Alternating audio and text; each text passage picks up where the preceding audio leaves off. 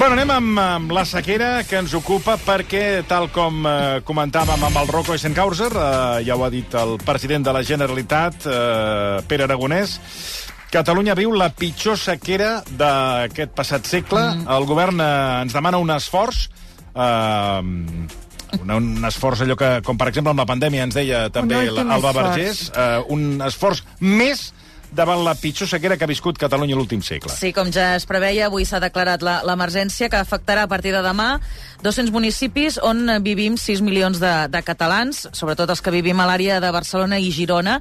Ha estat el, el mateix president, com deia, recordant-nos una mica aquell uh, Alba Vergés amb, el, amb sí. la Covid, un últim sí. esforç. Hem de fer, doncs, aquest últim esforç Exacte. Eh, que ha apel·lat a la, Clavat, a la ciutadania i també a la indústria en aquest moment tan delicat. Sense aquest esforç faria més temps que estaríem en situació d'emergència i seria més greu. Per tant, l'esforç ha valgut la pena i continua valent la pena i l'haurem de fer. L'haurem de fer de forma més intensa i de forma complementària Recordem que, que implica aquesta entrada a la fase de- d'emergència, ho hem repetit eh, per activa i per passiva, però no està de més. Eh, el tema de que cada un eh, doncs, podrem consumir eh, al dia 200 litres.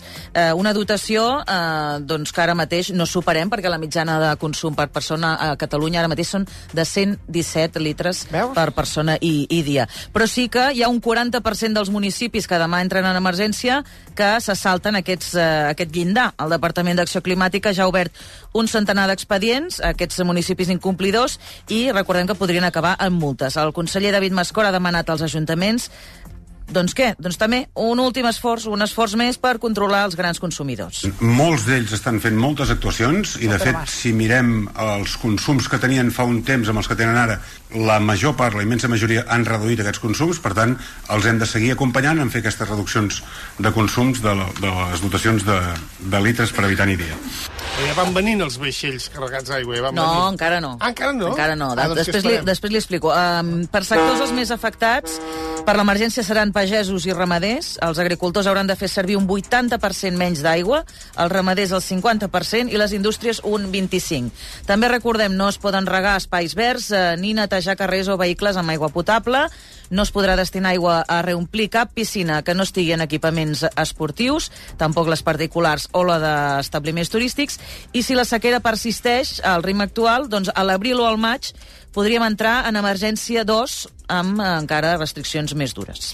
El conseller ha defensat també les paraules que ahir va deixar anar el director de l'ACA, Samuel Reyes, davant, eh, demanant als ajuntaments que apugin els preus de les tarifes de l'aigua, Míriam. Sí, Mascor diu que sobretot és urgent en aquells municipis que tenen problemes amb les fuites. És molt difícil, es fa molt difícil d'explicar que hi hagi ajuntaments que faci 5 anys, 10 anys o 15 anys que no toquen la tarifa de l'aigua. I que al mateix temps alguns d'aquests ajuntaments tinguin un dèficit d'inversions com el que tenen. Llavors, veient la crisi de la sequera en la qual estem, és el moment per pujar aquestes tarifes per poder fer les inversions que calen.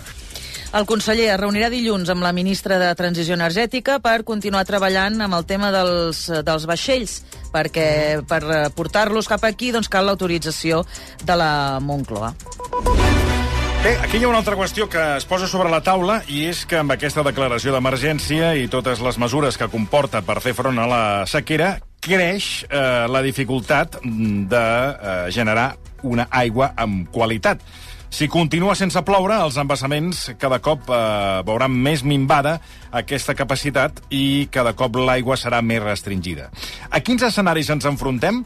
Doncs d'això en parlem tot seguit amb el doctor enginyer de Camins, Canals i Ports, catedràtic de Hidrogeologia i director del Departament d'Enginyeria Civil i Ambiental de la Universitat Politècnica de Catalunya, el doctor Xavier Sánchez Vila. Doctor, bona tarda. Hola, bona tarda. I gràcies per acompanyar-nos. Eh, quan els nivells d'aigua dels embassaments són molt baixos, com afecta eh, la qualitat de l'aigua? A veure, aquí hi ha dos parts. La primera és que quan ja estan realment molt baixos, eh, en realitat ja no tens aigua. El que tens són uns iots, uns fangs, i llavors aquest ja no, això ja no és aigua, és un, és un iot molt mullat, molt, molt ple d'aigua, però que en realitat no, no, no la pots aprofitar. Eh, mentrestant, és, sí, això ja és al final de tot.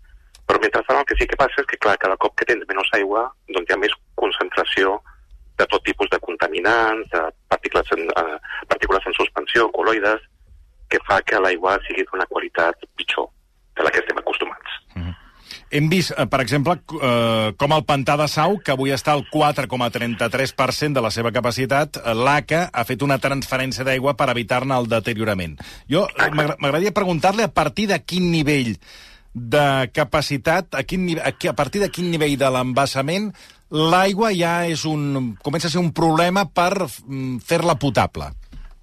Doncs més o menys aquesta quantitat, per això per això s'està fent el transvasament aquest, perquè ara realment ja si no tens aigua el que tens és aquest fang, ja realment la, ja, ja no hi ha peixos, no? els peixos ja no poden viure allà.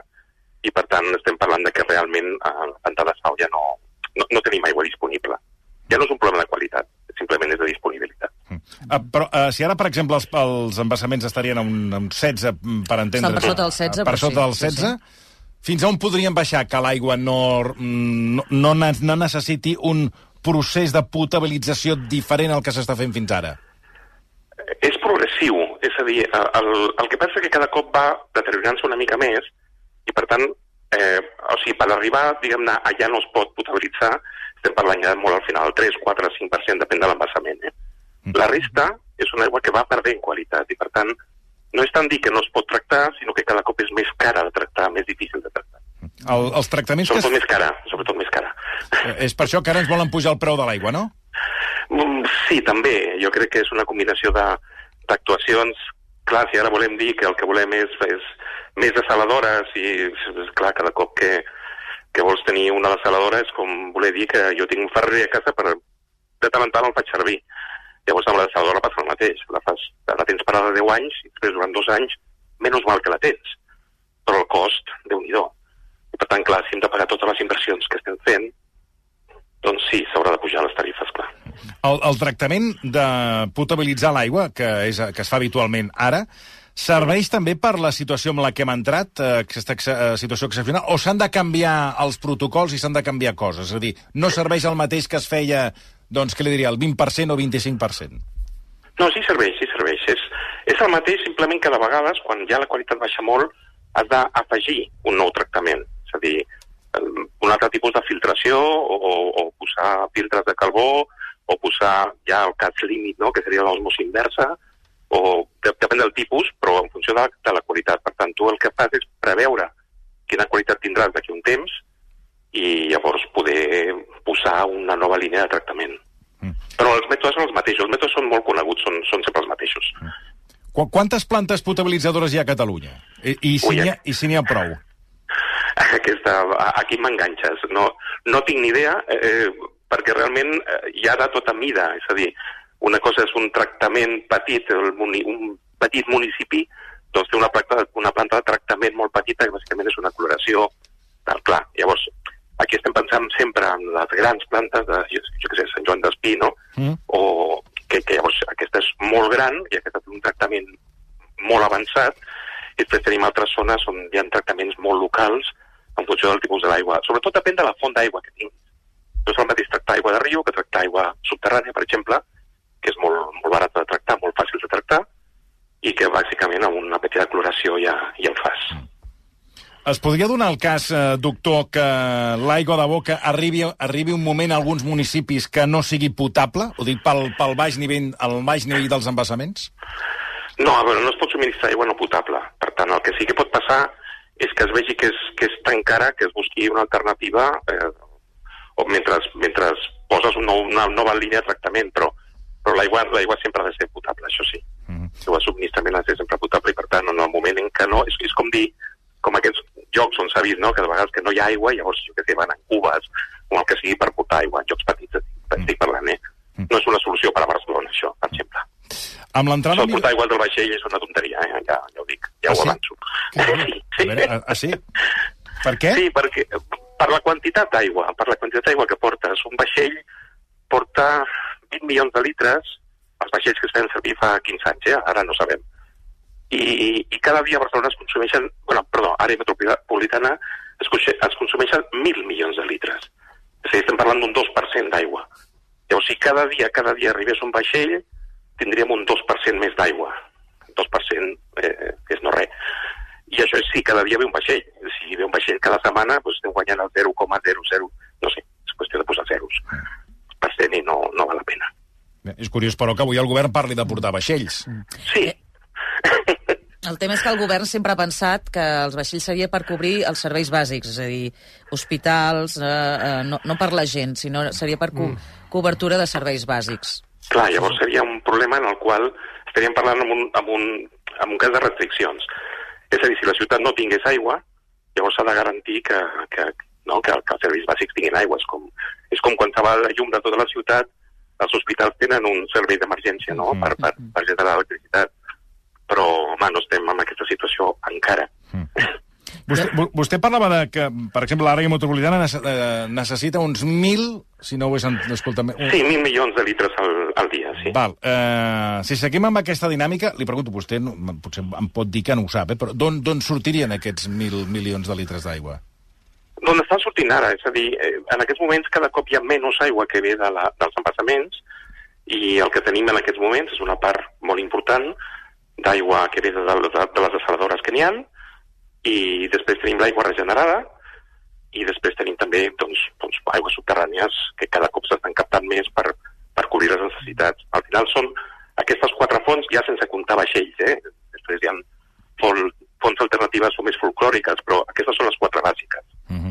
Llavors, cada, cada una d'elles té una importància en, fun en, funció- en funció del moment en què hi siguem. Quan hi ha molta, molta aigua, la més barata és la superficial i és la que es fa servir amb un 90, moltíssim per cent. Ara mateix l'aigua su superficial doncs ja veiem que no n'hi ha i per tant ara s'està fent servir molt poca d'aquesta. Amb el tema de que s'està parlant de la interconnexió amb, amb, amb l'Ebre, que el govern de moment la, la descarta, seria una, una via que vostè veuria factible?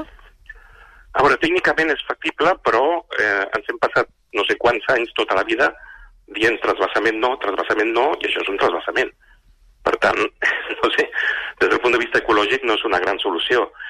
Eh, un altre cop, si es tracta d'un tema d'emergència, o perquè, perquè clar, que si no durant un temps no tenim aigua, doncs, doncs home, evidentment és una solució. Però, repeteixo, hauria de ser una solució puntual i molt ara, i jo en general estic en contra dels transvasaments, per tant, he d'estar en contra d'això també. Doctor, mm, una altra qüestió. Amb l'entrada en vigor de l'emergència, el govern reduirà dràsticament els cabals dels rius. Una mesura que pretén estalviar un 40% de l'aigua que cada mes s'allibera dels embassaments i que ha comportat una denúncia, per cert, d'ecologistes de Catalunya a la Fiscalia contra el director de l'ACA. Els cabals mínims Perdoni, eh, acabo. Els cabals mínims, una mesura que ja s'aplica eh, a la Muga, ara també es farà al Ter i al Llobregat. Eh, segons l'ACA, l'estalvi d'un 40% ha de permetre reduir en 136 dies l'esgotament de les reserves en aquest sistema. A vostè què li sembla aquesta decisió i si creu que empitjorarà, a banda dels rius, la qualitat de l'aigua? Empitjorarà la qualitat dels ecosistemes. És a dir, els rius eh, han de portar aigua. I llavors, si no porten aigua, doncs, doncs tot el que és... Eh, bueno, si no, porten, si no porten aigua passen a ser una riera o un canal, un canal sec. Llavors, eh, tota la fauna, tota la flora i tota la fauna depèn de la quantitat d'aigua que portes. Per tant, eh, clar, aquí caldria parlar de veritat amb, amb ecologistes, eh, eh, però, però no, no tant des del punt de... O sigui, perdona, no amb ecologistes, he dit malament, amb ecòlegs. Eh, amb ecòlegs que, que diguessin si realment aquest, aquesta baixada d'aigua eh, no tindrà conseqüències. Jo crec que sí que tindrà conseqüències. Eh, per tant, per un cantó sí que és veritat que mm, millorem el tema de l'aigua, però per un altre cantó ens estem carregant els ecosistemes, o estem eh, posant-li molt estrès als ecosistemes. No, no crec que sigui una molt bona solució. Des d'aquest punt de vista, però un altre cop, des del punt de vista global. Eh, ara, localment, si estem... Clar, que si sabessin que d'aquí dos o tres mesos plou, doncs, doncs diríem, val, vinga, fem-ho i ja ho recuperarem com puguem, però, però no sabem. Sí, fa un moment es mant... sí que no sabem. Uh, doctor, fa un moment en parlàvem de, de sequeres a Catalunya que, que han tingut una durada de 10 anys. Uh, per tant, Sí. clar, ningú sap quan s'acabarà aquesta sequera. Mm, No, no, no se sap, no. Escolti, una, una última qüestió. Uh, suposo que amb l'arribada de l'estiu i les altes temperatures... Uh, Doncs pitjor. Sí, sí, és evident, no? Ho, ho deia per la qualitat de l'aigua, també. Sí, també, també empitjorarà, clar, clar. Eh, el tema de la temperatura és molt important.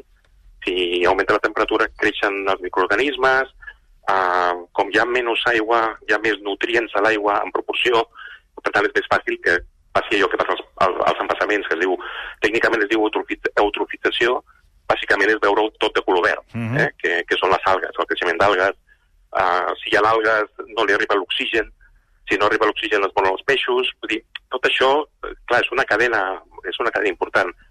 I a l'estiu, amb la temperatura i, i tal com estan venint les temperatures últimament, doncs això també empitjora, sí, sí, clar.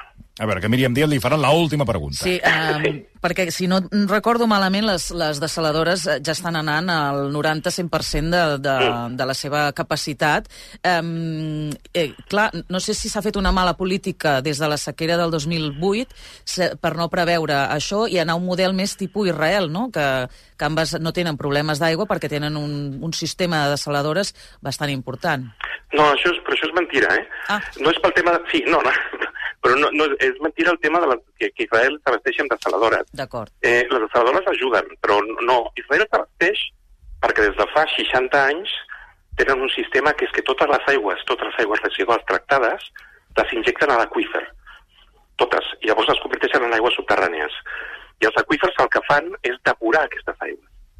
Eh, De manera natural, és una solució basada en la natura, que es diu. Uh -huh. I per tant, el que fan és que tota la part de l'agricultura l'abasteixen amb aquesta aigua dels aqüífers i l'única que fan servir per boca, això sí, les desaladores les fan servir per aigua de boca. Eh, però és per això que no tenen problemes, perquè si no tindrien problemes terribles d'agricultura. Això és el que no s'està fent aquí, per exemple. Aquí ara estem regenerant aigua, és veritat, però s'està llançant al riu. Que està bé, que està bé. Està bé perquè estem en, en emergència, avançant en excepcionalitat, i per tant sí que va bé que hi hagi aigua al riu, encara que sigui aigua residual tractada. Però, però i quan, de, quan plogui, què farem amb aquesta aigua? La llançarem al mar com fèiem fins ara. Eh, llavors, per això Israel, Israel són, són molt gestos, ho han fet molt bé, això. Realment el, el tema de la gestió de l'aigua a Israel eh, n'hauríem d'aprendre. Ah, miri, m'ho ha tret de la boca. Dic, és, és, és, és, era tan fàcil com agafar un avió i copiar, que això sempre ho deia el meu avi. Tan, tan difícil és creuar la frontera. O, o, venia, o venia a les meves classes i les explico als alumnes, no hi ha problema. Exacte, doctor.